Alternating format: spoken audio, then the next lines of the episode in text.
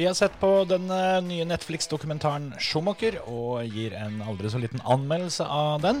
Før vi tar en eh, gjennomgang av løpet på Sandtort og eh, dykker ned i silly season i Formel 1, som virkelig er i full gang om dagen. Der har det også skjedd ting etter vi spilte inn episoden. Og sjøl om det svir, så må jeg innrømme at det endte med at Terje fikk rett, og jeg tok feil.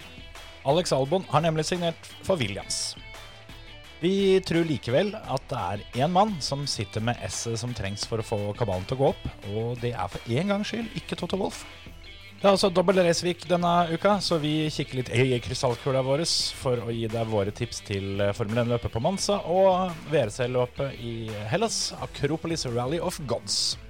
Helt på tampen så klemmer vi inn litt rally-NM og rallycross-EM. Og der har du denne ukas episode av Føremøtet. Two, one, go. Right, left bus opens, 20, left six right bus to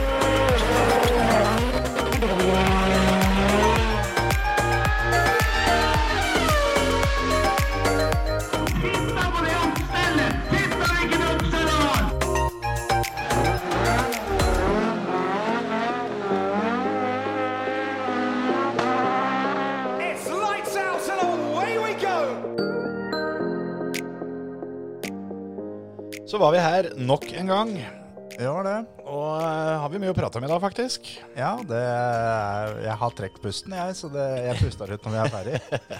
Ja, vi tar det på ett drag hele smæla. Ja. Omtrent, i hvert fall. Ja. Hva skal vi begynne med? Skal vi rett og slett hoppe på det vi eh, tisa litt om eh, forrige gang? At vi hadde noe kult å prate om?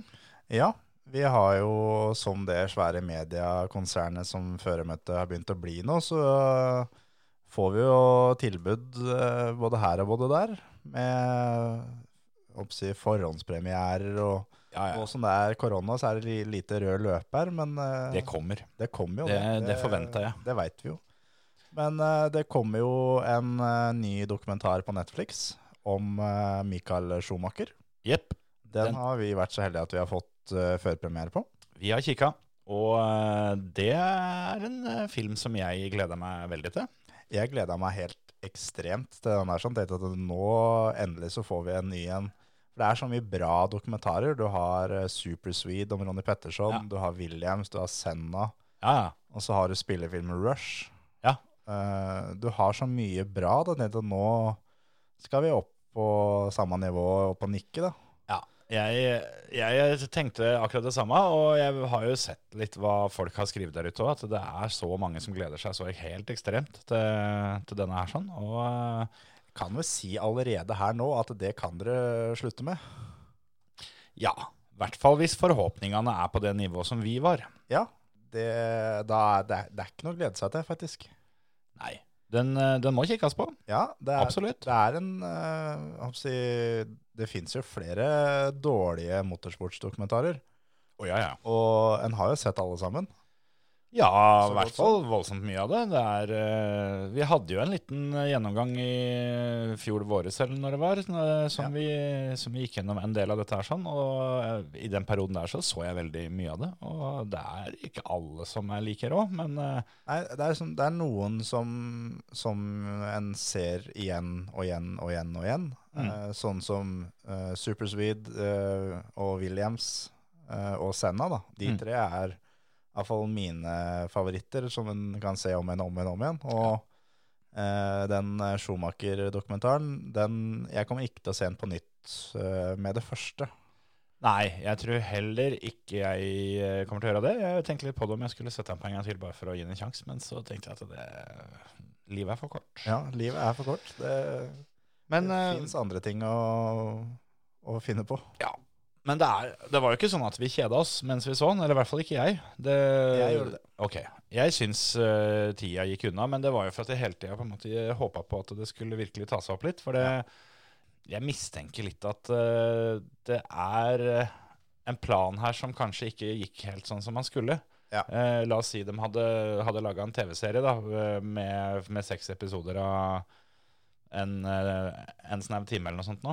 Det kan det hende. For at det, jeg syns eh, det virker som at den, den er kutta ned så mye, da. Ja. For det er en del sånn hopp frem og tilbake og sånn som ikke gir helt mening.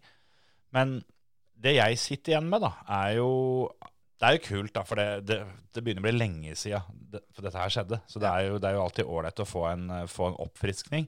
Eh, og jeg kan si med en gang at det er ikke noe, ikke noe skrytedokumentar eh, om, eh, om føreren Michael Schumacher. Nei, det er ikke noe en sånn uh, Hei, se så flink Mikael var. Ja.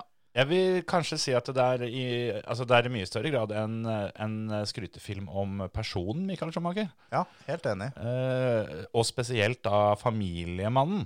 Ja. Den, uh, den får de fram, og der uh, skåra han et par poeng som ikke jeg var helt klar over. Men som fører og konkurransemenneske så blir han ikke akkurat veldig bra framstilt. Nei, han, eh, han blir jo framstilt som eh, Og han var jo og en veldig kynisk eh, utøver, og det blir han framstilt som også. Og Mm. på en måte så er det egentlig deilig jo at han blir eh, også framstilt sånn som han faktisk var som sjåfør, eh, og ikke at det har vært sånn eh, Nei, nå er det dokumentar om han, da må vi, vi må ta bort alle de Ja, ja. gangene det gikk galt, og, og han var et rasshøl. Ja. Det må vi ta bort. Men her er det faktisk med, så det er positivt.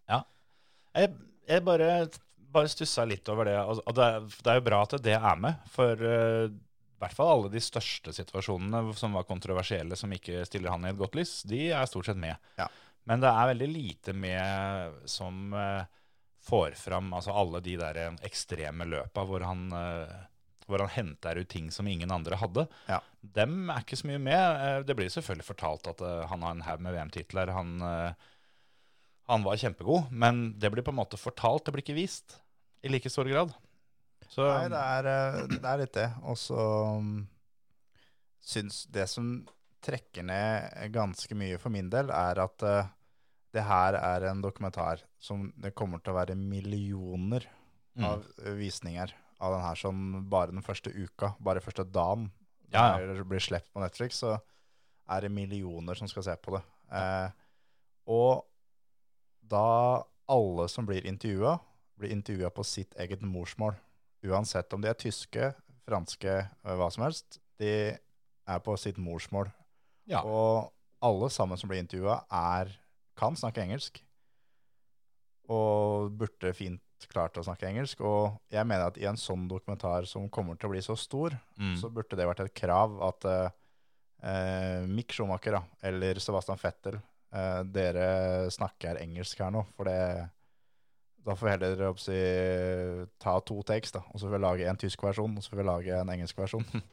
Ja, det, det er kanskje en tanke, at de kunne, kunne kjørt en del av intervjuene dobbelt. For det, jeg, jeg tenkte ikke så veldig mye over det, for det, det var sånn hele filmen. Så da var det på en måte sånn det var. Og det, det er jo en tysk produksjon, så sånn er det jo. Men det er jo noe å være forberedt på. At det, det er eh, ikke alt som eh, det, går ikke både på engelsk og norsk, som de synger i sangen. Nei. Og så er det når han der Sean Tott blir intervjua, så snakker han fransk, da. Så, Ja.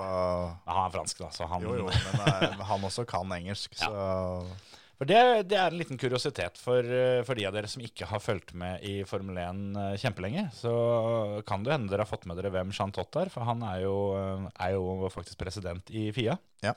Men uh, han var teamsjefen uh, i, i Ferrari da, da Michael Schumacher kjørte der. Ja. Lille tassen. Lille spirrevippen. Og så var det Ross Brown som tok over etter, det. det. Og um, en annen en som uh, er ganske, ganske sentral i uh, dagens Ferrari-team. Han er også med, da, men da må du, da må du være litt nerd igjen for å, for å kjenne igjen. Selv om han stikker seg litt ut. Men han, han heter Mattea, Matteo Binotti, Ja. som er teamsjef i dag. Han var motoringeniøren hansis midt på 90-tallet. Så det er et par bilder hvor du ser han er i krølltoppen med de der svære runde brillene. Han, han henger rundt her. Ja, han gjorde det. Det er litt sånn artig, artig ting å se på. Eh, Og så var det det som eh, har vært litt eh, reklamen da, for filmen for å skape litt hype eh, rundt hele dritten, er jo eh, at de skulle være nye bilder som aldri har vært vist før. Ja, og da tenker jo alle nøyaktig det samme. Hver eneste en tenker at dette her betyr at vi får se åssen ting er i dag. Ja, Og jeg vet, har vi lov å avsløre det? Jeg tror folk kan tolke eh, det vi sier nå, eh, akkurat som den vil, og så får de vente i spenning. Det, det jeg fikk ut av det, var at, uh, fikk av at uh, han var glad i å ta seg en sigg når han var på fest. I gamle dager, ja. I gamle dager, ja. Ja, At han fyra pinneraketter med siggen, sånn som en skal, skulle gjøre på den tida. ja, det var en del private familiebilder. eh, Fra Trysil. Ja. På hytta, hytta deres i, i Trysil. Kjørte litt snøscooter på isen og, og kosa seg litt med det. Ja. Og får jo en del om oppveksten. da. Han kom fra, kom fra vanskelige kår og alt der sånn. Så er det jo intervjuer med pappa og kone og sønn og datter og lite grann Ralf. Ja. Men det blir ikke nevnt en eneste gang i hele filmen at Ralf også kjørte Formel 1. Nei, Det det, er ganske spesielt. det, det er veldig spesielt, faktisk. Og der kunne de hatt med når de to delte pall, og Mikael For vant og Ralf ble nummer tre. Eh, litt sånn, men, eh, men så er det det at en må jo som du sier, hadde det her vært en, en serie på seks episoder på en time hver, så Mm. hadde de hatt tid til mye mer. Men her så skal de korte seg ned, og de skal fortelle ganske mye på kort tid. Mm. Så noe må jo Noe må bort. noe må skuffe ut. Men uh, jeg personlig syns det var ganske kult uh, fra banen gokartbanen i Kerpen, som Mm. de nå eier. uh, hvor de da, si, mor og far, starta da restaurant der. Mm. Restauranten står jo enda. Mm. Og den restauranten har jeg vært i ganske mange ganger. Og spist flere kilo med gris i forhold i, som snitsel. Ja, ikke sant? Ikke Så sant? det, det syns jeg var kanskje Det var mitt høydepunkt i den dokumentaren. Det var å se gamle bilder av kiosken jeg spiste snitsel i. Ja. ja, for det er jo eh, en ting som jeg ikke var klar over, at det var litt sånn han kom inn i det. At, eh, at faren tok, o- tok over drifta av gokartbanen i Kerpen, og at det, det var den måten han kom seg inn og begynte å kjøre på, og Ja. fikk kjørt nok til å bli god. Ja, og Det har det vært i, når han var aktiv Formel 1-fører og kjørte gokartløp i Kerpen. Så eh, er en egen sjikane oppkalt etter han, som han kjører annerledes enn alle andre. Mm. Og da har det vært VM-runder, EM-runder der hvor de beste i gokart har møtt opp. Men fortsatt så kjører han annerledes enn alle de andre i den sjikana, og fortere enn alle andre. Det er Ja. ingen andre som får til å kjøre den sjikana sånn som han gjør. Og det blir tatt opp i den dokumentaren her òg, Mm. akkurat om den sjikanen der. sånn, og eh, som da en tidligere konkurrent, jeg husker ikke hvem det var som sa det, men at eh, han kunne se allerede da at eh, Schumacher kjørte annerledes enn alle oss andre i den sjikana. Mm. Den biten der var, eh, var kult, syns jeg, å få fram det der, der og eh, at han eh, kom fra den bakgrunnen han gjorde, og jobba seg opp på, på den måten han gjorde, med å, å kjøre, med, kjøre med dårligere utstyr og, og være i søppelcontaineren og hente, hente dekk som han kjørte løp med og sånne ting. Og, for det er jo helt sikkert veldig mange som ikke helt fikk med seg hvem han var før han plutselig var der. For det, når han først eh, kom til Formel 1, så gikk det jo fort. Da det var kort vei til toppen. Ja. Men akkurat der, det er liksom sånn en ting som, som jeg savner, da, som garantert hadde vært med hvis det, hvis det hadde vært lenger. Det er jo alt, alt det som skjedde rundt debutløpet hans. Mm. For det hadde jo vært en timelang episode i seg sjøl, hvis de ville. Ja, ja, ja. Den der historien er så sjuk, da, fordi det er en, eh, en annen fører som blir bura inne, rett og slett. Og på kort varsel så må de ha inn en fyr. og uh, Eddie Jordan var det vel som, eh, som hadde teamet, og han var, uh, han var blakk. Så, så Michael kjøpte seg inn for halvannen million uh, for å kjøre det, kjøre det første løpet, og tenkte at nå er det i orden. Kommer til banen, og der er alt låst og stengt og alt sammen, for det, det, var, det var helt krise. Yep. Og han øh, jugde seg vel nesten litt til det òg, ved å late som at han hadde kjørt på spa før. Ja. Hadde aldri gjort det. Nei. Kvala seg inn til sju og øh, ble lagt merke til direkte der. Men ja, den, den Nå skal ikke jeg sitte her og fortelle alt det som ikke er med i filmen, for det, det blir litt kleint. Men ja. ja, akkurat den der storyen der hadde jeg på en måte gleda meg til å få, få farvelagt litt. da. Ja, det, det var noe om den i korte trekk, det var det. Men Ja. eh, det kunne vært mye, mye mer. Og jeg eh, Altså, vi kan jo i grunnen bare hive terningen. Bare bli ferdig med det. Ja. Så vi, vi har noe annet å snakke om her i dag. Så å sitte her hele kvelden og snakke om, om dette. Det kan vi godt. Hva, hva lander din på? Jeg eh, er litt sånn eh, Samme kvelden som jeg var ferdig å se den, så konkluderte jeg med at det blir en toer på terningen. Ja. Eh, når det har synket inn litt, så er jeg litt sånn Tenkte litt på det at kanskje forventningene mine var til å få en for spesifikk type film. At jeg sånn sett Kanskje han har vokst litt på meg i etterkant. Kult å liksom få høre konas perspektiv på hele, hele karrieren hans og sånne ting. Så mulig jeg kan gå med på å strekke meg til en treer, men jeg tror jeg står på den toeren min. altså. Ja. Jeg eh, tar en eh, svak treer, sterk toer. 2,7. Ja, 65. Ja, der har vi det. Ja. Men uh, som sagt, det er bare å se den. For det, det er én ting jeg har tenkt på. At uh, hva tror du nye seere kommer til å tenke om dette? For det, vi er jo fans. Men denne skal jo pumpes tungt ut gjennom Netflix. Eh, og der er det fryktelig mange som har blitt nyforelste gjennom Drive to Survive, som ikke har noe, har noe kjennskap til dette her sånn i det hele tatt, hvor omtrent hele filmen er ny. De, de har hørt om den selvfølgelig, men eh, ja. Hva, Jeg- hva tror du dem tenker? Jeg tror dem blir enda mer skuffa enn oss. Det er veldig mange som har sett uh, da Formel 1-serien Mm. på Netflix. Mm. Eh, og ikke sett noe løp heller etterpå, men bare sett serien. Mm. Uh, og tror det er sånn det skal være, med klepping, lyd, bilder, alt sammen. Ja, ja. Og så får du da noe som er enda dårligere produsert, Uh, og Mm. Treigere. treigere. Du, du må være fan, tror jeg, for at du skal komme deg gjennom den her. Ja, det kan hende. Jeg har egentlig tenkt litt at jeg tror kanskje han kommer til å, å fenge litt blant vanlige folk. Men du har et veldig godt poeng der, at de som, de som er skikkelig Drive to Survive-fans og håper det blir mer av det, de blir skuffa. Ja, de blir skikkelig skuffa. Men uh, så er det de som hva si, kanskje er på alderen min, da, som uh, ikke fikk med seg så mye av storhetstida til Schumacher, Mm. uh, men som er motorsportsinteresserte. Mm. Kan kanskje få et litt nytt lys på hvor god han egentlig var, og, og Ikke minst litt åssen ting fungerte før, for det, det er mye som har endra seg i Formel 1. Ja, det er det. Så får jo det alltid kjipe, kjipe gjensynet med, med Senna, da. Og den, den smellen der er jo Ja, og den, Putta inn. Uh, den pressekonferansen når Schumacher tangerer Senna, mm. når uh, han knekker helt, den Ja. er eh, den syns jeg er like vond å se på hver eneste gang. Ja. Og den kommer igjen her nå. Og jeg syns den er vondere å se på enn selve smellen til Senna. Mm, mm. Ja, nei, det er, eh, det er definitivt eh, en del øyeblikk eh, i løpet av filmen som, eh, som på en eller annen måte vi, eh, vi beveger folk. Det er ikke noe tvil om. Ja. tror han røyka Malbro, siden han var sponsa av Malbro. Ja, vi jo nesten tro det.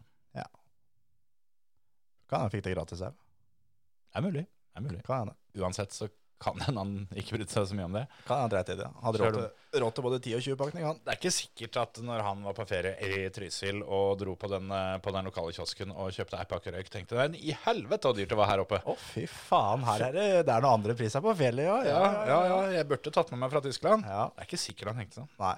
Kan hende han fylte full tank når han først var der òg. Ja, det, det kan hende. Femmer i forgårs. Ja. Men tror du han øh, fylte på skjell, siden han var sponsa av det? Det tror jeg. Ja. Han, jeg har jo til og med sett at han fylte for andre. Han var i de Shell-reklamene. Ja. Det, er faktisk en av de artigere reklamene, når han har sånn pitstop på en vanlig Shell-stasjon. Yes. Så sånn er det. Skal vi si det er bra? Ja, vi får gå til noe som er litt mer trivelig, vel. Ja, vi eh, får vel eh, rett og slett ta oss en tur til Sandfort. Ja. Der eh, kjørte eh, dagens Max, Max, Max, Super Max, Max. eh, Ja, har du hørt på sangen? Ja, yes. Ja. Den eh, Den slipper ikke taket helt med det første, den sangen. det, altså. Nei, nei. Vi skal, tenkte jeg på at vi kunne spilt den her nå, men det skal vi spille dere for. Svaret på det er så jævlig nei. Jepp, det er riktig. Men eh, ja, eh, for å si det sånn, det gikk akkurat som venta for min del. Jeg klinte inn Max Verstappen som megadriver på Fantasy, og tenkte rett og slett det at det er bare så uaktuelt for han å ikke vinne dette løpet på hjemmebane.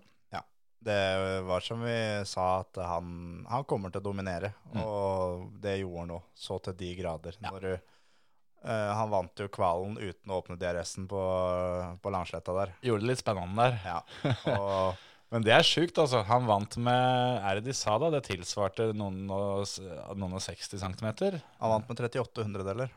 Ja, som, eh, som da tilsvarte ikke hele frontvinga engang, omtrent. da. En, en snau kukelengde, som vi kaller det. Ja, og den er sterk. Ganske snau, faktisk. Litt kaldt i vannet. Men, eh, så det der, der holdt jo på å bli en gedigen tabbe. Nå har det vel i hvert fall blitt sagt at eh, det var et teknisk feil som gjorde det, men det, det vil den si uansett. Ja. Så ikke han får skylda for at han har glemt det. Men eh, jeg trodde jo det der gikk automatisk, så jeg vet ikke. Men eh, han, eh, han dreit seg ut eh, tidligere på runden nå, Mm. som han eh, skulle gire opp, og så humpla det så mye jeg kan da, så han fikk nappa til to gir. Han, dobbeltgira, ja. Gærne veien. Rett fra tredje til femte. Jepp. Den har, det har jeg gjort uh, før. Ikke fra tredje til femte, men jeg har, jeg har gått annen til femte da, og vinner løpet allikevel. Så han er pyse sånn sett. Men det er bilcross på Lyngåsbanen, det er ikke Formel 1-kvalifisering på Sandfort. Nei, det er helt riktig. det behøver du ikke tenke på. Nei, det Jeg gjør er, det to ganger til og med. ja, det sier mer om deg enn om han. Ja, det er helt, også helt riktig. Det er mer bånddrag i den der Honda-motoren enn det det var i den der B320-en som du uh, Ja, kan, rundt. er nesten sånn at det kanskje var B20 den gangen òg, men, Ja, det kan hende. Men eh, det er fordi han har sånn ekstra elmotor som gir han litt, eh, gir litt push. Det er, det er kun derfor. Kun derfor. Han har jo tross alt 1,6 liter. Jeg hadde jo da 2,4. Ja. Ja, det er akkurat det. Så sånn er det, da. Ja. Men uh, Ja, han, han uh, parkerte jo de andre. Og Red Bull var veldig, veldig på under hele løpet eh, i forhold til Mercedes, og fulgte strategien som de tok på Hamilton hele Mm. tida, og fulgte bare kopierte den hele veien. Mm. Og da blei Mercedes de ble sjanseløse. Ja. Og det er en bane som eh, jeg tror alle førerne kosa seg skikkelig når de kjørte kval, mm, og kunne kjøre så fort de kunne på den banen der, men når de begynner å kjøre løp, mm, eh, med da dagens spiller som det er så vanskelig å ligge bak noen, så Mm. var den banen der helt håpløs. Så feltet ble jo kjempespredt, det var veldig lite fighting. Det var Ja. sånn sett et veldig kjedelig Formel 1-løp. Det, det var det. Det var jo den taktikkspenninga hele tida. For det, det var jo to mot én, sånn som det har vært så mange ganger. Men eh, denne gangen så var rett og slett Max uh, så mye bedre at uh, de, de ble satt helt sjakkmatt allikevel. Ja. Og Bottas var ikke kjapp nok til å kunne utnytte to mot én-fordelen. Hadde han, hadde han hengt på bedre, så hadde de jo virkelig kunnet uh, bytte litt strategier. Men der som vet du, så er det Sebastian Fettel gjør sånn at uh, det blir walk in the park for Red Bull. For Mhm. når han snurrer og Bottas kommer mot den, Ja. så låser Bottas opp så skikkelig, og, taper- og rundetiden hans gikk opp med en gang etterpå Ja. på, på grunn av det. Mm. For da var Bottas på vei mot å tette det vinduet, det pit-vinduet til Max. Mm. Han var eh, Rett før det skjedde, så var han fire tiendere bak. Mm. At han så kom ut side om side med Max. Og hadde Max gått inn rundt der da, så kunne han kommet ut bak Bottas. Og Ja. selvfølgelig eh, utslitte softhjulet mot nye harde eller nye medium. Så han hadde kommet forbi ganske fort, men han hadde tapt litt på det. Ja, hadde det. Det, det, det sto ikke fælt på når han eh, var bak Bottas den gangen. Det var eh, å hente den inn og så bare fise forbi over første sletta. Ja. Men der, eh, på den biten der så var Bottas eh, mer eh, teamkompis enn han har vært på lenge, syns jeg. Det var bare å legge seg rett til sida og slippe forbi Hamilton. Ja. Der han før har, uh, har bitt litt mer fra seg. Men denne gangen så hadde han jo ikke noe å oppnå, for det, det, det var det var tredjeplass. Det var, Ja. ikke noe, det var ikke noe trusler verken foran eller bak. Nei, altså når det var hva si, beviselig raskest å ha to stopp, Mm. eh, og han ble sendt ut på ett stopp, og den ene som han skal kjøre langt, er på soft, så han visste jo Ja, ja. Og det var så tydelig at det her er det det er Hamilton og Max, det er de to som skal fighte, Mm. og så skal Bottas komme seg inn til en tredjeplass. Og det, det er en litt kjip følelse for han, men det er sånn det blir. De håpa vel sikkert det at det skulle kunne, kunne påvirke, men nå, nå var det vel også sånn at eh, alle dekktypene var forholdsvis jevne, og til og med harddekka sleit seg ut veldig mye fortere enn det de, det de trodde. Ja. Så hadde det vært litt annerledes, at eh, det kunne funka At det kunne vært litt, litt close da, og kjørt eh, ett stopp, så kan det hende, hende Bottas hadde hatt noe å by på. Men, men sånn gikk det jo ikke. og og han ble jo, ble jo frakjørt av de to foran, men han kjørte jo fra alle andre igjen, da. Ja. Så for det på fjerdeplass så får du jo da Pierre Gasly, og han datt eh, kjapt bakover. Og, og fra han så var det også luke nedover, og det spredte seg egentlig hele veien. Og eh, Pierre Gasly på fjerdeplass ble tatt igjen. Ja. Bottas kom i mål nesten minuttet bak. Ja. med å ha vært inne i pitten en ekstra gang. Det, det var han. Men eh, akkurat det var jo var litt humor, da. For eh, han eh, ble sendt inn i pitten eh, med bare noen få, få runder igjen. Fikk på softhjul og dunka utpå. Satte, satte beste første sektor. fikk beskjed om at vi skal ikke gå for raskeste runde, for den hadde jo Hamilton. Ja. Og så kommer det tilbake at hvorfor ikke det? Og så satt den kjappeste midtsektor. Og så kom, eh, kom James på telefon og, og sa at nå avbryter du denne runden. Og da må jeg si ja, men hvorfor, hvorfor stoppa vi da? Nei, men, men det var jo det var åpenbart, for at da kunne Hamilton stoppe også. Ja. For Hvis bare Hamilton hadde stoppa, så hadde han dette ned på tredjeplass. Ja. Så av, avbrøt han runden, men han satt fortsatt raskest rundetid. Ja. Han, han, eh, jeg så intervju med Toto Wolff etter løpet, som det var om det der. Og om de var forbanna på, på Valtteri da, for det der. Og Mm. Sa at nei, absolutt ikke. Han, han går av så mye i siste sektor. Han Ja. gjør, gjør det han kan, men så er han uheldig at den tida var bra nok. Og han trodde helt sikkert sjøl at nå er jeg et sekund bak det som har vært raskeste Ja. fra før. Ja. Så, og for Hamilton å sette raskeste rundetid etterpå var jo ikke noe problem i det hele tatt. Nei da, han tok den med halvannet sekund. Det er, det er klart, ting kunne ha skjedd. Ja, men ja, ja. eh, Altså, det var snakk om ett poeng, så det, det, det, var ikke noe, det var ikke noe superkrise sånn sett. Men, men det var en liten kuriositet for, eh, for TV-sendinga. Men uh, jeg så på Sky, og der, der, var, eh, der var Jensen Button tidlig inne. da, Og før han passerte mål, fortalte at han, han har gått av gassen. Ja. Og dette kommer til å gå hit. Ja, ja, ja. Men uh, skal vi spole tilbake til kvalen? For der, uh, der skjedde det ting. ja. Der, eh, altså, det begynte jo med at eh, både Peres og Fettel røyk ut i Q1. ja. Haas ordna jo så at Fettel røyk ut i Q1. Ja, det var et jævla kaosopplegg, for å si det rett ut. Ja, ja, ja, herregud. Det, det der er eh, Ja, nå har Men så, men så kan en vri på det òg, at det er Aston Martin som sender ut Fettel når de sender den ut, og Mm. veit det at det nå, eh, nå kommer vi til å ta igjen folk som skal, skal ut på sin, sin runde. mm. Det er jo det er en forholdsvis lik situasjon på en del måter som den Fettel hadde mot uh, Bottas, var det det det var? Ja. Og Barcelona. Det kan godt hende. Ja.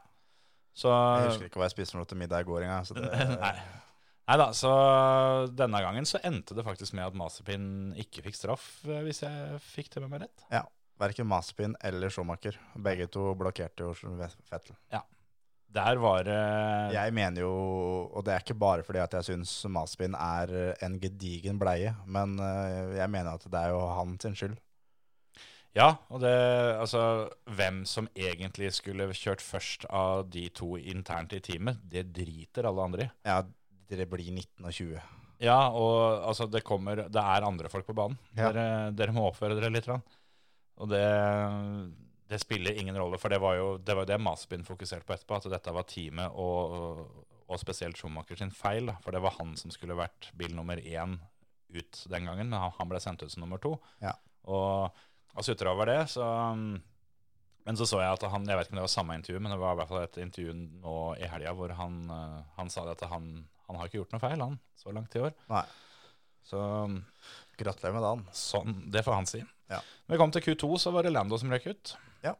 Ja. Så det, det, det blei en spesiell grid, for å si det sånn. Og Peres eh, starta jo fra pit lane, og han tok seg vel kanskje Jeg vet ikke helt hvorfor. Var det motorbytte eller girkassebytte eller noe sånt? Ja, var det noe sånt. Når de starta så langt bak, så tok de den straffa nå. Ja. Så han og Latifi eh, endte opp med å starte fra pit. Det, så vi fikk jo Fikk jo Gasly kvala inn som fire, Giovinazzi kvala inn som sju der. Kom til Q3, og du fikk en del litt sånn rare ting. Eh, Robert Kubica, som, som kjørte fordi eh, Kimi Raikon eh, testa positivt for covid, han eh, ble jo ikke sist. Hadde jo begge Has-bilene bak seg. Ja. Så ja. Det skulle bare mangle. Så ja. Det er vel det som er å si om kvalen. Og løpet har vi i grunnen sagt det vi skal om. Ja. Eh, Jeg vil gi en, eh, en liten eh, tommel opp til, til noen som vi har gitt litt pepper til før. For denne, denne helga så, så hadde vi satt uh, steppa opp litt og innført, innført studiosending. Akkurat sånn som de har gjort med alle de andre store sportsarrangementene sine. Så de hva skal man si, de tar endelig, endelig produktet skikkelig på alvor fra, fra kanalens side. Så der var Daniel Høglund, som vel er dems eh, mann nummer én til den, den type jobb, som, eh, som hadde, hadde programlederjobben i studio. Hadde med seg Thomas Ski eh, til Formel 3-løpet, og Kjetil Rekdal var i studio til mm, Formel 1-sendinga. Mm. De har hatt studio før. Ja, men ikke på den måten der. Eller? Nei, da er det da de tre gutta fra Ja. Calcutta har sittet i studio. Ja, ja. Men det, ja, så de har på en måte klart seg litt sjøl. Og eh, jeg syns, eh, syns det er bra, bra at Viasat uh, tar og stepper opp gamet litt der nå, for dette begynner å bli, bli svært. Og jeg syns det funka veldig bra. Så Ja. vi tommel opp til det, og tipper at det er litt deilig for, eh, for Atle å kunne konsentrere seg om eh, det, han, det han skal, og, og kommentere løpet. Så ha med seg litt, eh, litt flere til mm, å få fullført jobben, det tipper jeg kan være litt deilig. Ja. Så mer av det. Ja, nei, For min del så er det samme hva de gjør. Ja, det, det regner jeg med. Eh, ikke noe mer vi gidder å nevne fra løpet? Nei, men vi kan jo nevne litt at det har skjedd ting i Formel 1-paddocken Ja, eh, for, siste uka. det, det, det tenkte jeg på også, at vi måtte over til det. Ja. Eh, den eh, største nyheten er at Peres har signert uh, ny kontrakt for Red Bull. Nei, nei, det nevnte jeg forrige uke. Ok. Uh, at eh, Bottas skal kjøre for Alfa Romeo neste år. Han tar setet til Kimi Raikonen. Ja. Som igjen da gjør at det er ledig sete hos Mercedes. Yep. Og der skal Nyk de Vries inn. Nei da, der skal George Russell skal inn der. Ja. Det var vel eh, den eh, dårligst bevarte hemmeligheten i hele Formel 1 eh, over en liten periode der. sånn. Det, det var så, så ille at det begynte nesten å bli litt teit. Ja. Men de venta rett og slett på at Bottas skulle annonsere sin deal, av, av respekt for han, rett og slett. Ja, og så skulle eh, Før de gjorde noe, så er Bottas eh, si, en del av familien. Så Mm. de skulle, Toto også skulle være helt sikker på at han har et opplegg han skal drive med neste år. Han skal ha ting på plass. Mm. Eh, når det er på plass, og den jobben der er gjort, som sikkert Toto har vært med og, Ja, og bidratt, for han er vel, så vidt jeg vet, manageren hans også. Og Ja, ja vel. Det overraska meg. jeg mener han er inne Er ikke det han der eh, finnen som var med, var med på Drive to Survive, da? Som de satt i, satt i saunaen sammen med? Ja, det kan hende, men jeg mener jeg har hørt og lest det der, eh, det der før, skjønner du. Og jeg så et bilde som Susie Wolff, kona til Toto, la ut fra Ja. når Bottas kjørte Formel 3. Og da sitter Toto ved siden av bilen hans i penskjorta. Og Såpass, ja. liksom det med teksten at eh, nå har vi, så langt er vi kommet, og nå starter et nytt kapittel. Ja, Så- nei, jeg så- blir ikke overraska over at uh, Toto Wolff har uh, fingrene ned i sausen uh, rundt hele bordet, egentlig. Det, det er jo en kjent sak. Nei, Så de venta jo da på at han skulle få, få ordna noe, og da blei det da George som, som uh, fikk det setet, da. Og det, det blir Ja. kult å se. Jeg tenkte på Bottas der. Det, det blir litt spennende å se nå. Altså, på mange måter så Det blir jo den samme debatten med, som, som har på en måte forfulgt Hamilton, at han, han bare vinner pga. bilen. Ja. Men det gjelder jo egentlig Bottas litt òg. Nå, nå får vi se hvor god han er. Ja, men akkurat det så vi før han gikk til Mercedes, når han kjørte Williams. Ja. Så han fikk det beste ut av den bilen da. Og jeg tenkte faktisk tidligere da Neste år så kommer det en ny bil, Mm. nye regler. Vi veit Vet ingenting. ingenting om uh, hvor god noen er. Tenk hvis Alfa Romeo er oppe og fighter neste år, og så får vi da fighten i toppen med Bottas, at han er med der òg, bare at nå er han hvit og rød. Ja, det hadde faktisk vært deilig. jeg hadde kosa livet av meg. Han hadde Eller det at George Russell blir slått av Williams første løpet. Ja, det, det har jeg sagt før. Jeg har skikkelig, skikkelig trua på Williams. eh, Så det kan bli litt interessant. Jeg trodde faktisk det kunne være så sjukt at Bottas fortsatte fordi George Russell eh, tenkte at det, det gjør ikke meg noe å bli verrende videre. Jeg tenkte også tanken at eh, Mercedes kunne ta Nick de Vries, faktisk, som andrefører eh, ved siden av Hamilton, for å få sånn derre eh, quick learning, da. eh, med den beste vi har, og så bytte om de to da til 2023. Ja, ja. Eh, det kunne vært et alternativ, men eh, det er jo ganske sikkert, eh, tror jeg, at vi får eh, Albon og Nick de Vries sammen i Williams. ja I hvert fall Nick de Vries, han kommer til Williams. jeg, det, det er jeg helt enig i. Eh, for Albons del, så det, det betyr jo at han er nødt til å kutte eh, alle bånd til Red Bull. Nei. Eller antageligvis, da. Red Bull vil jo at han skal til Williams, fordi vi har han i en bil som han kan kjøre. Så Ja. Christian Horner og, og Red Bull-systemet vil veldig gjerne at Albon Det sier seg jo sjøl. For det Hva slags motor kjører Williams med? Ja, Mercedes, ja. Ja, Ja, ja, Så den vil jo selvfølgelig ha en mann inn der. Men hvem er det som ikke vil det? ja. Det er Toto Wolff, da. Ja. Men eh, sånn fra Albon sin side, så vil ikke han kutte noe Nei, Han er ikke på lønningslista til, til Red Bull, det er han ikke. Men han er eh, garantert en som Ja. de kan hente tilbake igjen. jeg, jeg tror jo at alternativet uh, er å Altså, jeg tror han er nødt til å kutte det bånda hvis han skal ha det setet. Uh, men jeg tror kanskje han skjønner litt det at det, er det han får hos Red Bull, er Han er jo testfører og mm, ikke minst førstereserve. Men jeg tror kanskje han begynner å skjønne at det er, det er små sjanser for å komme seg inn igjen der. For det, det begynner å komme mange bakfra som banker på døra. Liam Lawson, som er teamkompisen hans i, i DTM og sånn nå. Ja. Så det er ikke sikkert at han ser noe framtid for seg sjøl hos, hos Red Bull heller. Og han har jo kutta dem ut en gang før. Ja, det. Eller, eller blitt kutta. Det kan vel hende var den veien det gikk. Ja, det var heller denne veien da høna sparka da, ja. Men eh, Så nei, jeg, jeg tror ikke det er uaktuelt. Men eh, jeg tror det blir nyktig vris i hvert fall. Og jeg blir ikke overraska hvis, eh, hvis Latifi fortsetter. Og blir heller ikke overraska hvis en fyr som Callum Millet kan ta det setet. Ja. Men jeg tror Jeg, jeg tror, eh, sånn Alfa Romeo-messig, da, så tror jeg neste år at det blir uh, Bottas og Mick Schumacher. Ja. For eh, Mick Schumacher uh, han er ferdig. Han er så jævlig ferdig, han er med Mazepin. Ja. Og Mazepin er like ferdig med Mick Schumacher. Ja. Og det, jeg tror det er litt sånn at, uh, at det er enten så ryker Ja. at Schumacher har sagt det, enten så ryker han, eller så går jeg. Ja. Og må jeg gå, så må jeg gå. For hva si, Masterpin han har ikke noe andre valg enn Has. Schumacher, Nei, nei, eh, han er Han har navn og penger og talent og alt det som skal til, sånn Ja. sett. han er en sånn en at han er det ledig sete da i Williams. Han er aktuell der. Ja, ja. Han er aktuell i Alfa Romeo, som er da si, som en Ferrari junior. Mm. Og at Givenazzi ryker ut og til fordel for Mick. Mm. Og at Ferrari ser det at eh, eh, Mick er kanskje en bedre mann for framtida Mm. enn det Givenazzi er. Ja, han er sannsynligvis en bedre mann på kort sikt òg. I hvert fall om du ikke tenker kun sportslig. Ja. Så. Han har liksom med seg hele pakka. Og han er, altså Mick Schumacher er mer superstjerne i Italia enn det Givenazzi er i Italia, ja, det tror som jeg er faktisk. sitt eget hjemland. Ja, det tror jeg. Så det er litt det òg. Og da, jeg tror da at uh, Callum Islet kan gå til Has. Ja.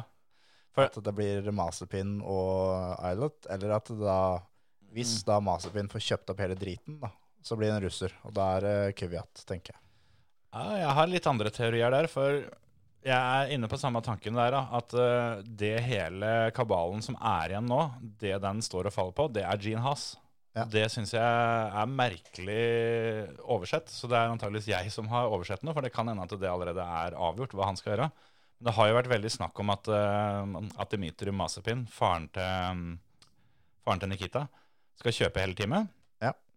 Uh, og om det skjer, så er det som du sier, da, da forsvinner Mick. Ja. Og jeg tror også at han tar inn uh, en russer til for å lage et hel, helrussisk team. Men jeg har litt feeling av at Robert Schwartzmann er eh, den mannen som eh, kommer inn. Det er absolutt ikke umulig at det blir Kviat heller, pga. erfaringa. Men Schwartzmann eh, har liksom ligget i, skorpa og vært var før Formel 2-sesongen den som var sikrest å komme opp til Formel 1.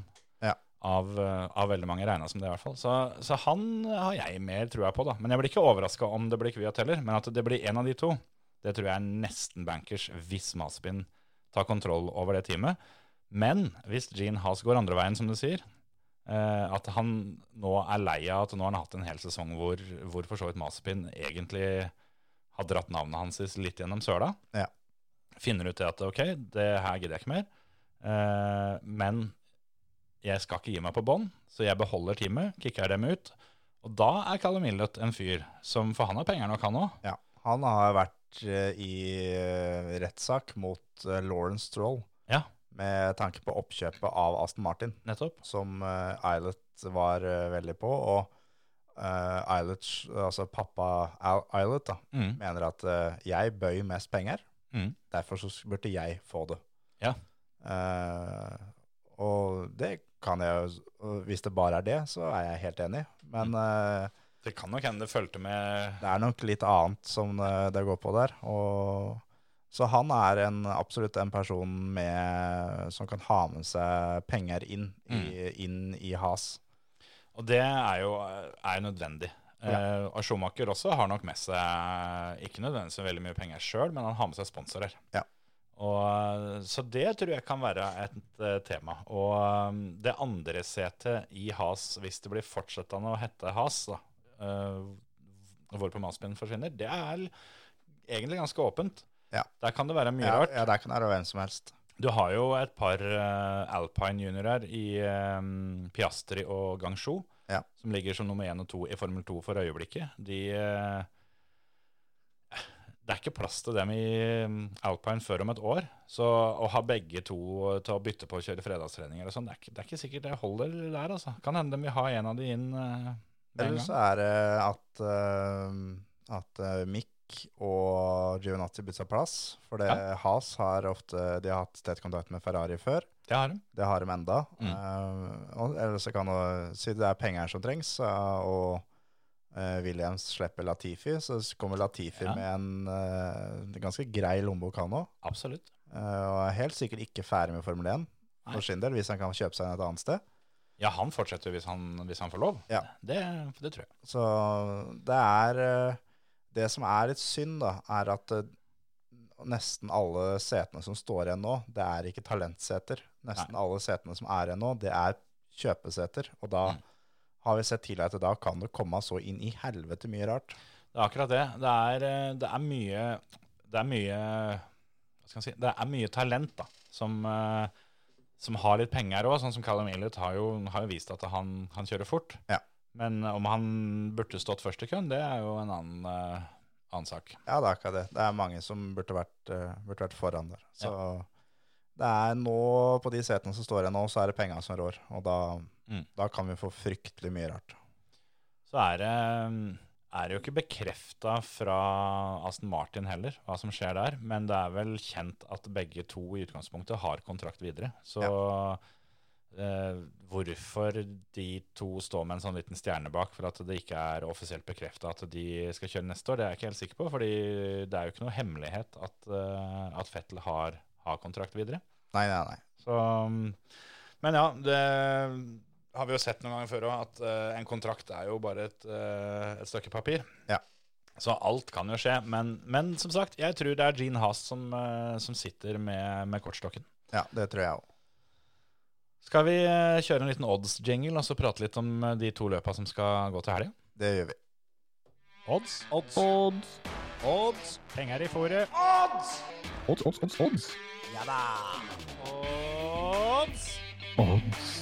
Kjør odds! Odds! Det tar vel ikke jævlig lang tid å oppsummere oddsen fra helga som var, Terje? Nei, fy Kan hende det er unger som hører på, blant annet sønnen min. Ja. Så behersk deg. ja. Nei, det, det er ikke Jeg kan ikke snakke Nei, jeg kan ikke snakke om det. Det logga jeg hoppsi, inn på Kulbeth-kontoen min nå. Der sto det da øverst i hjørnet så står det da navnet, og så står det saldo under, og der sto det null. Mm. Det var en del før eh, Sandvort, og jeg gikk jeg var 850 kroner i minus. Det ville seg ikke helt. Satt jeg med 205 kroner. Mm. Det jeg fikk inn var at, at, eh, at eh, Max vant. Max Tappen. At han vant uh, først kvalen. Ja. Som jeg selvfølgelig da blåste på ting under løpet. ikke sant? Ja, ja. Og så fikk jeg at han vant løpet òg. Så jeg spilte at det skulle bli rødflagg. Det ble det ikke. Spilte jeg topp seks på Carlos Sainz. Han ble nummer sju. Så spilte jeg da selvfølgelig mot Sergio Perez, for han skulle starte fra pit lane. At Landon Norris skulle ta han, og at Ricardo skulle ta han. Det gikk ikke. Perez er best når han får lov å begynne bakfra, altså. Ja, hvis det er lov å si. ja, men det, det har vært en del ganger nå at øh, hvis utgangspunktet hans sitt er nerdritten, så, så går det stort sett greit. Ja. For det, det virker som at han på en måte trenger den derre den der gnisten. Da. Ja. Og det Ja. Jeg, og jeg hadde jo tatt rygg på en del av dette her. Jeg hadde spilt rød flagg. og jeg hadde et uh, annet spill som jeg var ganske fornøyd med, som, uh, som faktisk gikk inn skikkelig. Og det var at det ikke skulle bli virtual safety car. Ja. Det var jeg ganske fornøyd med. Ja. For uh, på den, uh, den der trange banen der med stein og grus og alt sammen helt, helt inntil veien, så tenkte jeg at det her det, det skal ikke skje mye før at det må noe utpå. Men virtual safety car kommer neppe til å bruke, tenkte jeg. Så her blir det enten, enten må Bernt utpå, eller så blir det rød flagg. Ja. Ble det ingen av delene, da. Så det spillet gikk jo for så vidt inn, men men jeg, eh, jeg spilte en hel haug med head-to-head-dueller. Jeg syns eh, det var ordentlig moro at Kulbeth hadde satt opp såpass mange. Eh, så jeg klinte til. Jeg vet ikke hvor mange jeg spilte, men det må ha vært en 10-15 stykker, tenker jeg. Og alt så jævlig bra ut til det var igjen noen få runder. Blant annet den Science Top 6. da, Den hadde jeg òg. Jeg, jeg fikk ikke med meg engang at han, at han datt ned til sjuende, så det der må ha skjedd helt på tampen. Ja, det var ganske på tampen. Jeg, jeg skjønte det noen runder før mål, og så at eh, Alonso når, når Alonso er i DRS-sona, Ja. så kommer Alonso forbi. Det gjør han. Og det mm, Ja. Så hadde jeg hadde jo litt trua på Giovinazzi, da. Altså, han starta tross alt sju. Jeg hadde jo ikke trua på den sånn sett, men jeg tenkte at den banen er en vrient å kjøre på. Det må da kunne gå an å klore seg fast lite grann. Så jeg spilte jo han uh, head to head mot uh, PRS og ja, et par andre som, eh, som tross alt starta bakerst. Ja. Gikk ikke det, vet du. Gjorde ikke det. Samme med George Russell. Det så jo ut til å gå bra, men han punkterte vel, eller hva det var for noe, eller fikk et eller annet problem helt, helt på slutten. Ja, Det var Giaminazzi som punkterte. Giovinazzi punkterte. Og så fikk, fikk George Russell et eller annet uh, helt på tampen, så han endte jo med DNF. Ja. Og hadde ikke det skjedd Altså for å si det sånn, Hvis Peres hadde sørga for at det ble rødflagg med fem runder igjen, så hadde omtrent alle spillerne mine gått inn. Ja, da hadde en, alle mine gått inn her. Så med en hel mengde med spill på det ene og det andre, så endte jeg med 74 kroner i pluss. For det, jeg gikk omtrent break-even på alt, så det var så vidt det var eh, noen få mynter til overs. Ja.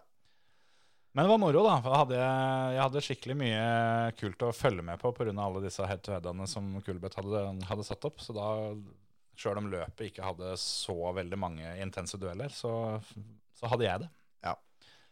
Så det var litt kult. Jeg har ikke prøvd den varianten på oddspillinga før. Men nå, da førstkommende helg, så er det jo double header, rett og slett. Og da er det Vi skal kjøre på Monza. Ja. Og så skal VRC i gang igjen. Kjøre i, på Akropolis Ja, i Hellas. i Hellas. Rally of Gods. Rally of Gods. Og på Monza så det har vi, vi har hatt en quiz før, men jeg kan ta den på nytt. Åssen så pallen ut på Monza i fjor? Ja, Det har jeg spurt om før. Det var vel der Gasly vant foran Science. Eh, så var, Det fikk jeg vel til sist òg, men jeg husker ikke hvem som ble nummer tre. Så sånn er det. Lance Stroll. Ja, flott. Kunne gjetta en gang før jeg hadde tatt han. Ja. Men uh, Kulbeth nå, da, de har uh, Louis Hamilton som uh, soleklar favoritt til Monza. Han står i 1,75 i odds. Max Verstappen står etter 2,60. Jeg tror det er det største gapet mellom de to på lenge. altså. Ja. Og Perez og Bottas står begge to til 10 odds for å, for å vinne. Men eh, til topp tre så står eh, Bottas til 1,90 og Perez til 2,50. Så pallen ifølge Kulbeth blir Hamilton, Verstappen og Bottas. Som det pleier, Ja. egentlig. Så det har jo skjedd. Ja. Øfte. Så er det Landon Norris som er eh, femtemann på, på den vogna, med 31 i vinnerodds, eh, fire odds til pallen. Eh, så er det stort hopp da, ned til, ned til røkla, som da har 81 i odds. Ja. Charles Leclerc og Daniel Ricardo og Pierre Gasly og Fernando Alonso står til lik vinnerodds. Det er litt overraskende, kanskje, men Daniel Ricardo har jo slitt en del, men eh, nå kommer vel han til en bane som burde passe McLaren-bilen veldig bra. Og Ja. det er ikke så mye svinger eh, som han kan eh, kødde det til med at han sliter litt med å få bremsa sånn som han vil. Nei, men det Det er er noen. eh, Det er, eh, det er innbremsing her som er problemet. og Her går det i høy fart til lav fart. Så det er, det er her han skal slite. Ja, det var Sånn det jeg tenkte litt, jeg òg. Men, men McLaren har jo vist seg å ha, hatt- ha kjempebra toppfart og Mm. veldig bra i høyfartssvinger, Mm. som eh, Monza er. Så uh, Lando kan, uh, kan fint være med og fighte litt her, altså. Han har jo vært litt varm på en del områder. Nå gikk det jo ikke helt eh, veien for han på Sandfort, men uh, han eh, Han har litt å by på, han der, der, så det blir spennende. Så er det jo så, artig, da. så er det også kommet, eh, kommet litt eh, nye, nye odds, da, som eh, ikke de har hatt så oftere før. At det er en egen en for om Louis Hamilton vinner, det er en egen en for om Perez blir topp tre. mm, Så er det topp seks med ja eller nei på Ocon og Stroll.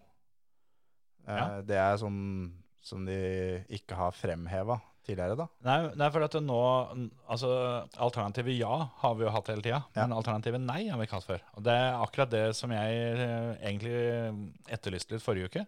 At eh, jeg, jeg savna litt å, å kunne spille på litt flere alternativer på det vi allerede har, da. Ja. Og det har vi fått nå. Så det var Kulbeth leverer der. Men det som også er fett på Monza, at nå er vi tilbake til sprintkvalifisering. Det stemmer, det. Jaggu. Så nå, nå er vi tilbake til det, og det, blir, det var jævlig rått å se forrige gang, og det blir kult å se nå. Ja, så nå har vi jo tre alternativer på alle duellene. Da har du både løpet, sprintløpet og kvalen. Ja. Det er kult. Ja, det, det løfta mine forventninger litt. Jeg har jo ikke lagt skjul på før at jeg er ikke noe glad i Monsa, men jeg er glad i sprintløp, så får vi se om ikke det blir en god kombo. Jeg syns Monsa er dritkul, jeg. Ja, kan hende jeg syns det til, på søndagskvelden òg. Så det, ja, det blir spennende. Er det noe spill du har uh, sett deg ut som du syns uh, skriker uh, interessant? Det er egentlig Ricardo topp seks til 250. Mm. Enten han eller Pierre Gasli til topp seks til 250, begge to. Ja. Ja, Hva med å spille begge? Ja, Da det- tjener du penger selv om bare én av dem får, og det kan hende begge kommer inn. Og så er det topp ti til, mm, til både Sonoda og Fettel. Eh, Fettel til 2 i odds, Sonoda til 2,75. Mm. Eh, det her er en For Sonoda da, så er ikke det her en ny bane. Det er en bane han har kjørt mye på. Mm. Eh, en forholdsvis enkel bane sånn sett. Eh, han er på hjemmebane for teamet og litt sånn. Og teamet vant her i fjor. Og da Topp ti burde være mulig å forvente av Sonoda. Det tror jeg. Og som du sier, det med at eh, Pierre Gasly vant her i fjor, det, det gjør jo at teamet yter kanskje noen få prosent ekstra. Ja. Og det med da å spille Pierre Gasly topp seks og Tsunoda topp ti, det er to veldig fine spill, syns jeg. Og det blir litt det at hele teamet kommer nå til Monza med en godfølelse. Det er ikke bare ja. føreren fra forrige gang, men nå kommer teamet tilbake igjen. Eh, De husker feiringa fra, forrige, fra i fjor, de husker løpet, de husker alt. da. Mm. Eh, Og da er alle sammen er frampå i skoa. Hvordan tenker du, tenker du på mulighetene for å få virtual safety car her, f.eks.? Vi har ikke brukt det enda i år. Vi brukte det ikke i fjor heller. Gjorde kanskje ikke det? Så det virker som at det nå er eh, enten Bernt eller rødflagg.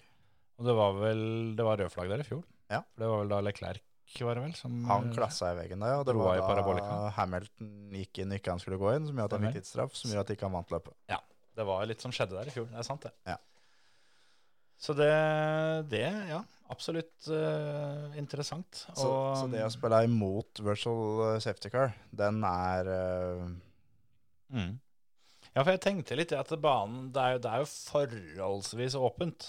Men det er så høye hastigheter at hvis de først går av, så må det såpass. Ja. Og så er det også det at uh, altså first lap retirements, altså hvor mange som bryter første runden, er jo da enten null eller én eller, en eller flere. Ja. Og oddsen er høyest på én eller flere. Og på den banen der sånn, så er feltet samla i første runden, og så blir det spredt. Mm. Så hvis det, hvis det skal skje noe, så er det veldig ofte i runde én. Mm. Den uh, Hvis ikke det er noe teknisk sånn som da Leclerc hadde i fjor. Ja. Men uh, altså påkjørsler og sånn, så er det Altså starten går dritlangt rett fram, og så er det 90 høyre, og så er det fem meter omtrent, og så er det 180 Nei, Ja, tett på, i hvert fall. Ja. Si 140 grader eller noe. 140 grader venstre rett etterpå. Det er vel en av de trangeste sjikanene som er på sesongen, omtrent. Ja, det er det. I hvert fall med tanke på den hastigheten de kommer inn der med. Og Og der kan de komme av tre-bredden, de kan komme av fire-bredden. ja, så har du én mann som bremser for seint der, Ja. så er det, da er det fort fem biler ute. Ja, da kan det. Så det også er et spill som jeg tror kanskje jeg skal hive inn på, at det blir én eller flere som bryter på runde én. Mm. Ja, det kan jeg være litt enig i. Sjøl om de har vært usedvanlig flinke den sesongen her sånn, til å komme seg gjennom. Ja. Men eh, den, eh, den første sjikana på Monsa, den eh, har krevd offer før. Ja, og så er det jo da, etter den sjikana, så er det en lang høyresving. Mm. Og så er det en da 90 venstre, 90 høyre. Mm. Etter der igjen. En sjikane som skal ned i akkurat like stor, like liten fart som det Mm. du hadde i starten. Så hvis den kommer seg gjennom første, så kan det smelle i den andre. Mm. Så har du vel en sjikane til etter det òg, som er eh, Ja, den går, går mer på høy fart. litt mer åpen er den jo. Ja.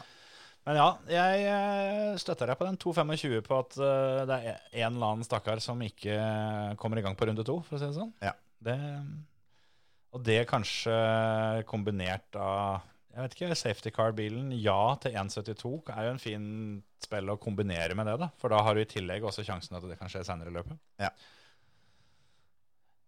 Ja. Jeg har ikke noe å legge til der, altså, egentlig. Jeg syns du har uh, trukket fram noen uh, veldig, veldig fine noen. Skal vi rett og slett uh, smette videre til eh, Hellas? Det kan være.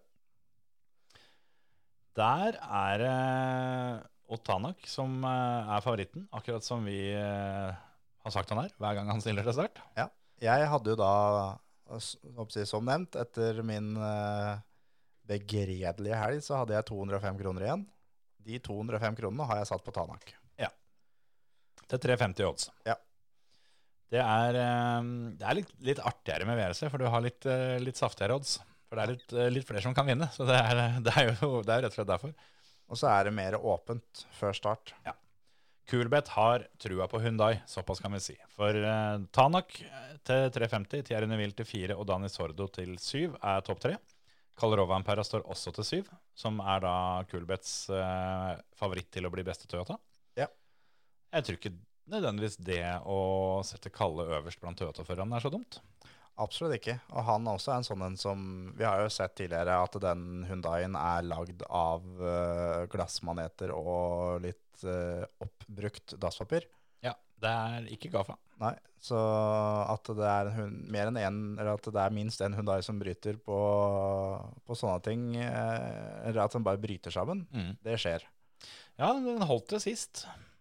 Ja, men det var ikke et eh, Det var ikke Rally of Gods, for å si det sånn. Nei, eh, er det, er det ett løp som krever mye av bilen, så er det det løpet her. Ja. Det, det har vel blitt omtalt som eh, spesielt enkelte partier er tøffere enn safari-rally. Og så er også det at det har regna ganske heftig område. Mm. Jeg har sett noen bilder fra gjennomkjøring hvor De setter seg fast, de rett og slett. setter seg fast, rett og slett. Og da tenker jeg litt sånn at uh, startposisjonen rundt der hvor Kalle starter, han starter fire, Mm. uh, Tanai starter fem, Mm.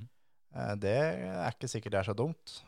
Nei, for det, det blir sopa en del vei der. Ja. Og det er lange prøver. Ja. Det er ikke så veldig mange, og, og det er veldig få av de som skal kjøres dobbelt. Ja. Men eh, en liten fun eh, fact-quiz der.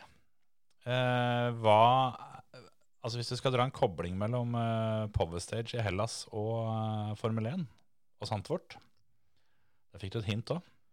Det må være at det er sand, da.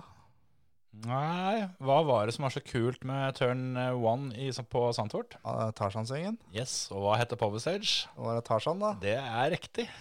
det er rått. Det er tøft.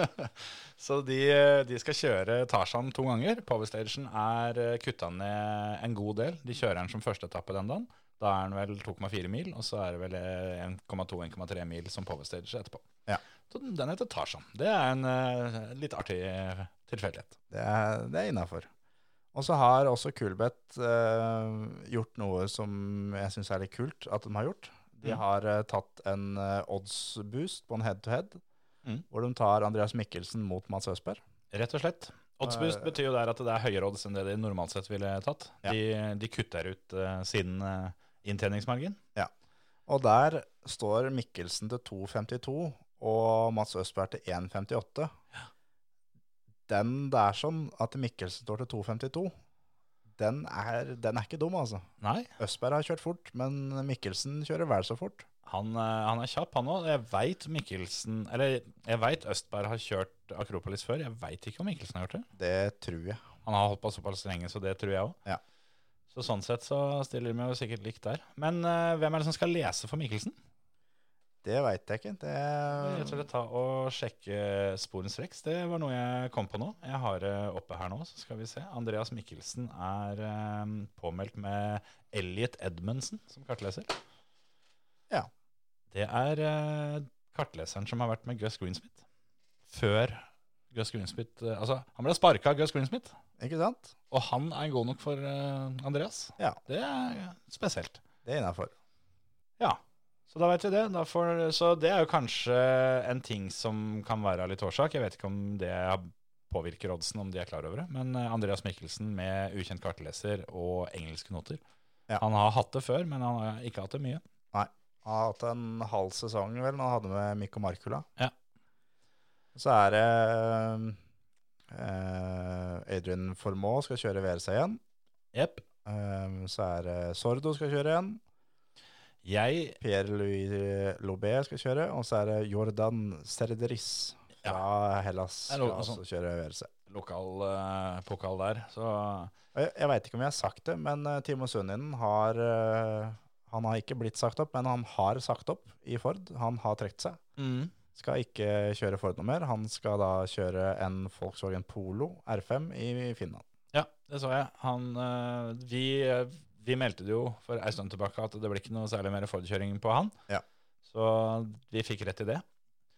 Eh, jeg har litt trua på Sordo igjen, da, sånn som jeg har hver gang. Ja, helt enig. Men eh, ja, jeg veit ikke. Han er en gammel luring. Det er et vrient løp. Han har kjørt det før. Han har bra startposisjon.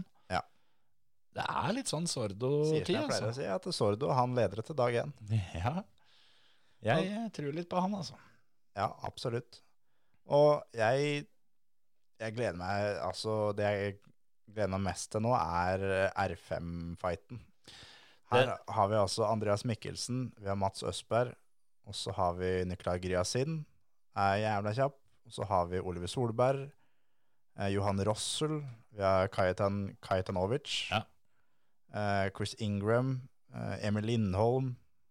Det er altså så mye bra navn. Eh, Sean Johnston, som var Ja. Poverud Racing Division sin lederhest for noen løp tilbake. Vi har Martin Prokop er tilbake igjen. ja. Så det, det R5-feltet er altså så beinhardt, det. Blir ikke overraska om det blir en hel eh, skandinavisk eh, pall. Jeg tror eh, Kaitan Kaitanovic tar hele dritten. Du er der, ja? Ja, Nei, det kan absolutt skje. Jeg eh, er litt sånn spent, fordi vanligvis så pleier jo Oliver å holde igjen litt når han aldri har vært her før. Ja. Og jeg tror i hvert fall kanskje han gjør det nå, for det har gått ordentlig dritt for denne sesongen her. Ja. Så jeg er ganske sikker på at han er sugen på å få fullført et løp. Ja, men så er det, det har gått ordentlig dritt for denne sesongen her. Men det som er nytt for sesongen her kontra i fjor, at i år så kjører han jo da Hyundai. Hyundai, ja. Mm.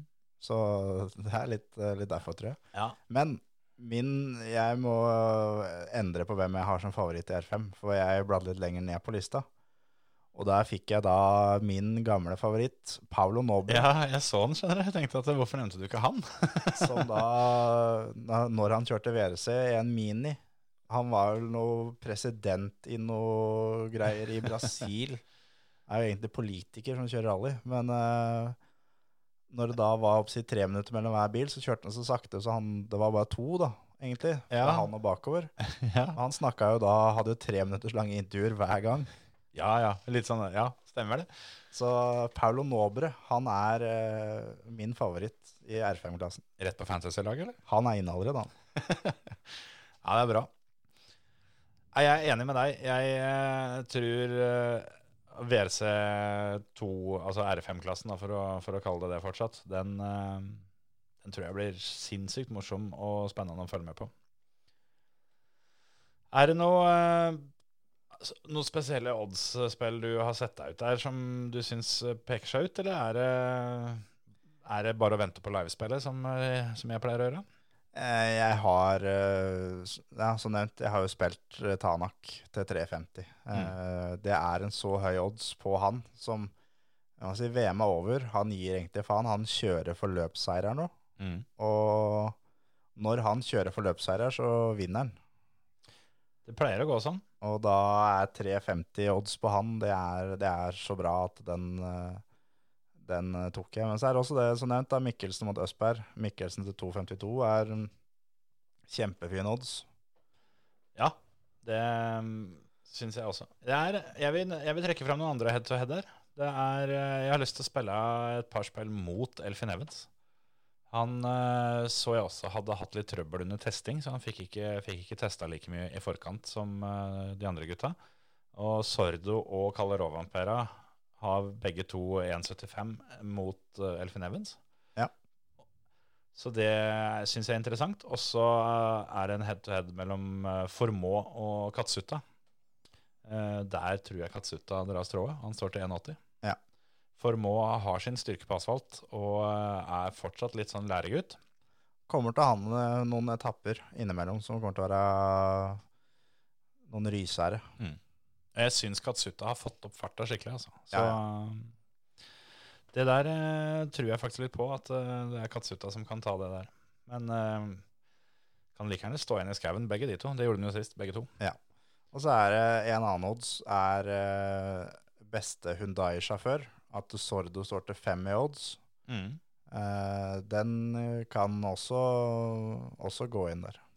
Men da, hvis du tror at Sordo blir beste Hyundai, tror du at han samtidig da vil vinne løpet? Ja. For da står han jo til sju odds til å vinne. Ja.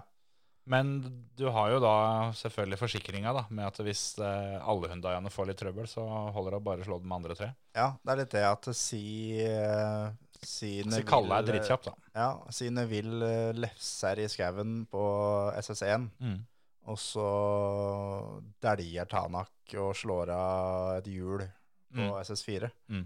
Så er Sordo da best, uh, den beste Hundaien. Da må han komme til mål. Ja. Og da, om han blir nummer eh, 16, og de andre blir eh, 17 og 18, så er han beste Hundai-fører, og da går det spillet inn. Ja, Det er et godt poeng, det. Det Så det er på en måte Det er ting som skal skje da for at det skal gå inn. Ja. Men uh, den er kanskje Det er mindre som skal skje for at den går inn, enn at han vinner løpet. Det er, eh, du, du gir bort uh, fra sju til fem i odds, men du kjøper deg at spillet kan gå inn i en god del flere scenarioer. Det kan være kjekt. Ja. Men det er et annet spill òg som, uh, som gjelder for sesongen. For hvis du som Kulbeth har trua på at Hundai skal være ganske overlegne denne gangen òg, så eh, har de et spill på hvem som vinner fabrikks-VM. Ja. Uh, Der står Hundai til 3,20 i odds. De er ikke så halvgærne langt bak, skjønner du. Nei, det er akkurat det. Og Hundai Altså, Adamo, han er lei av å om si, dra hjem tidlig. De er tittelforsvarere, og altså, Neville har jo fortsatt sjanse til å kunne ta igjen Orgier. Ja. Men bortsett fra det, så er det teammesterskapet de kjører for. Ja. Og det blir nok fullt fokus på det. Så Hundai til 3,20 som eh, sammenlagt vinner i fabrikks-VM, den har jeg faktisk tenkt mye på. altså. Ja. Den, eh, den, den frister. Nå har det jo kommet en nyhet òg. At, eh, at Rally Japan er jo avlyst. Yep. Blir erstatta med, med Monza, faktisk. Som, eh, som var i fjor. Det er uh, Herregud, for et møkkaløp det var. Ja, det var ordentlig kjipt. Det er lov å håpe da, at det blir mer av det som var kult. At når de kjørte, kjørte opp, i, opp i fjella på ordentlige veier. Ja, Og mindre ned på banen. Monza er Monza. Det, er, ja, det blir nok uh, altfor mye tull nedpå ned på banen og gamle ovalen og det greiene der. sånn. Det kan jo hende at det løpet hjelper hvis det er eh, sol og Eller at det er oppholdsvær. At ikke det har regna noe så jæklig i forkant. Det var jo snø i fjor. Det var jo da Elfin Evans eh, ga bort VM-tittelen. Ja. Og rett og slett eh, Ja, hva han drev med, vet jeg ikke, men han, han mer eller mindre ga det bort. Ja. Det er jo litt fordel Toyota, tenker jeg, da. At eh, det løpet kommer inn istedenfor Japan. Ja. Men, men. Det er noe folk kan tenke på. Det er den, eh, som jeg har sagt før, den fremtidige Terje sitt problem. Ja, det er, det er helt riktig. Skal vi eh, spole kjapt innom, siden vi er på rally, så kan vi jo nevne at eh, det var rally-NM i, i helga. Rally Sørland. Eh, alle NM-klassene er nå avgjort. Ja. Det er ett løp igjen. Der eh, er det kanskje noen som bør kikke litt på noen poengsystemer. Helt enig. For eh, litt spesielt er det at eh, samtlige NM-klasser er avgjort. I hvert fall når det har vært så få, få løp i år. Mm. Så Frank Tore Larsen vant toppklassen. Ja. Steve Røkland vinner R2. Olav Fredriksen vant for eldre tohjulsdrevne biler. Nasjonale tourstrekkere. Og eh, Håkon Sven Frøsli for nasjonale firehjulstrekkere. Gratulerer til dere. Så det var, eh, det var det for NM. Det blir jo et løp til. Men eh, folk kan stikke inn på eh, NRK sine sider og se sendinga derfra. Jeg syns den forrige sendinga var eh, skikkelig kul, faktisk. Jeg har ikke rekket å få sett den ennå. Den inneholder eh, mye Per Larsen. Det, det trekker jo alltid opp, det. Ja, da Per er jo en av de få Han er jo en av de vi har snakka mest om. Ja, det, det er kanskje det, Ja. av, av de som ja. Så, så det er kult. Eh, De er en tur hjemme hos uh, Olav først og, og bygger inn litt det, det som ble sagt der gjennom hele sendinga. Så den uh, Jeg syns NM-sendingene i år har vært bra, men den, eh, den siste nå fra, fra Sørlandet syns jeg var veldig bra. Ja. Så det ligger gratis på NRK, så det er bare å gå inn og kikke. Yes. Skal vi Nevne nevne som forhud og trekke oss rolig tilbake? Ja, jeg tenkte kanskje vi skulle ta med litt rallycross, ja, da. Ja, det kan vi gjøre. For uh, de var på Loajak og kjørte um, EM-runde i, i helga. Og VM. Ja, det var en, uh, Gjesteklasse. en liten gjesteklasse der. Jeg nekter å omtale det som noe som helst annet før de klarer å, å ha et startfelt som er stort nok til å fylle begge semifinalene. Det er minimumskravet. Helt enig. Helt minimumskravet. Og så skal de ha, ha nok biler til at de skal kunne fylle semifinalene med folk som har noe i et VM å gjøre. Og det Det er et stykke unna. og det som er fint at han ikke skal snakke om det, så slipper vi å si hvem som vant. Ja, ja, ja. Det, vi, kan, vi kan si at det gikk som det har gått i alle de andre rundene i år, og det er ingen som bryr seg. Ja. EM-klassen uh, har vært kul. Jeg var litt amputert den gangen her, siden eh, Thomas Bryntesson eh, og Anton Marklund ikke stilte til start. Ja. Veldig kjedelig, for spesielt Bryntesson. Han vant jo forrige gang, så han, han leda jo sammenlagt. Ja. Nå er det Bakkerud som leder sammenlagt. Det er det. Han uh, hadde seieren så skikkelig langt uh, ned i bukselomma at han klemte litt mot pungen. Ja. Men så var det trøbbel med bilen. Uh, han hadde vel kjørt fire runder, ferdig med jokeren, leda med over, over sekundet, og så fikk han trøbbel. Ja. Så da ramla han ned til femte, kjørte seg opp til fjerde og ble nummer fire. Ja. Så René Münik, av alle, alle folk, han vant EM denne helga. Var vel, etter hva jeg kan huske, sin første seier. Ja, det vil jeg tro. Altså i EM-VM-sammenheng, da. Ja, det vil jeg tro det Han har jo Hva si, han er eh, Lawrence Stroll med kjøredress. Ja, Han og kona, Mandy August, dem eh, farta rundt på løpet og kosa seg skikkelig. Ja, ja, ja. ja. Det, Så betaler de litt for at Timo Skeide kjører i VM, da. ja, ja. De eh, kjørte jo første VM-runden, og så, og så droppa de ned til EM. Og det tror jeg ikke han angrer på akkurat nå. Nei. For i VM så blir de skikkelig frakjørt. Ja. Men i EM så er han i hvert fall med og, med og fighter skikkelig. Men det er litt kult at, uh, som jeg nevnte i forrige episode, når jeg snakka med Andreas i Bergen på NM der, som han sa at eh, i helge så sleit vi med støttemperer. Mm. Det kommer til å bli bedre til neste runde, Yep. og det blei bedre. Og nå er de da raskest i EM. Ja. Han, Både han og Baumanis. Ja. Baumanis eh, han, eh, han fikk jobbe med så utrolig mye, mye rart. Han dansa ballett med Supercar, blant annet. Han hadde en, eh, en snurring i første sving der som er så spektakulær at det er, det er nesten umulig å forklare. Så det er bare å finne, finne seg noen highlights på YouTuben. Ja. Den, den, den har du ikke sett maken til før, det kan jeg nesten garantere. Det er deilig. Så, men ja, de var dritkjappe begge to. Ja. Og det, på rein fart så tror jeg vel det var de to. Og så eh, var det et par, par franskmenn her, et par av de Paillet og Dubord-gutta. De var også, også kjappe. Men nå er det i hvert fall Andreas som, eh, som leder sammenlagt, så vi får bare satse på at han fullfører sesongen og får seg en- en mesterskapstittel igjen, for det begynner å bli noen år siden. Ja, han skal i hvert fall kjøre Riga, som er neste runde. Ja, ja han, han fullfører sesongen nå. Ja, sånn som når jeg snakka med han i Bergen, så sa han det eh, eh, Da var han overraska. Jeg spurte sånn ja, blir det blir Frankrike. Ba, Ja, blir Frankrike. Og uten at jeg har fått noen spørsmål eller noen beskjed eller noen ting, så er jeg påmeldt til Riga. Jeg, jeg visste ikke noe om det, men eh, jeg er påmeldt til Riga. Ja. Så da Kan hende ES Motorsport er interessert i at han skal ta den tittelen òg. Ja. Så det der, eh, det der tipper jeg ordner seg. Gikk ikke helt veien for Hans Gøran Østereng og Sivert Svardal, som også kjørte EM-klassen. Ingen av de kom til semi. Jeg så Østreng satt noe tolvtetier og var liksom rundt på vippen der, men det gikk vel ikke helt veien. Nei, det var vel Kjører omtrent sin første sesong i Supercar begge to. Ja, Det var rundt der de lå begge to. Jeg trodde Altså, jeg syns det så ut som at Svardal eh, fikk, fikk opp tempo. Uh, var det Q3, tror jeg, som han uh, kjørte et av, de, et av de første hita som han vant, Uh, og vant med mye, så jeg tenkte den tida holder. Men så kom de da bakfra og snek seg forbi, så det, det holdt ikke til semifinale, dessverre. Nei. Så sånn er det. det. mm, Det var det vi hadde å si om det. Og da Vi må ha en konkurranse. Ja. Skal vi rett og slett si at den konkurransen den finner du på Facebook-sida vår? For jeg har jo for så vidt allerede lagt den ut. Ja. Før, før denne episoden kommer ut. Så da er det vel ikke så mye mer å, å si enn det. Nei. Vi snakkes til uh, uka. Da skal vi oppsummere alt dette her herlige som skal skje i helga. Jeg uh, har sett at det er meldt regn. Passer meg perfekt. Sitter inne, se på motorsport, koser meg. Jeg skal på hytta. Håper du har eh, dekning for å se på motorsport der. Ja, ja, ja. Både, altså både dekning og dekning. ja, ja, ja. Tipp topp. Da snakkes vi til uka, Terje. Ha det. Ha det.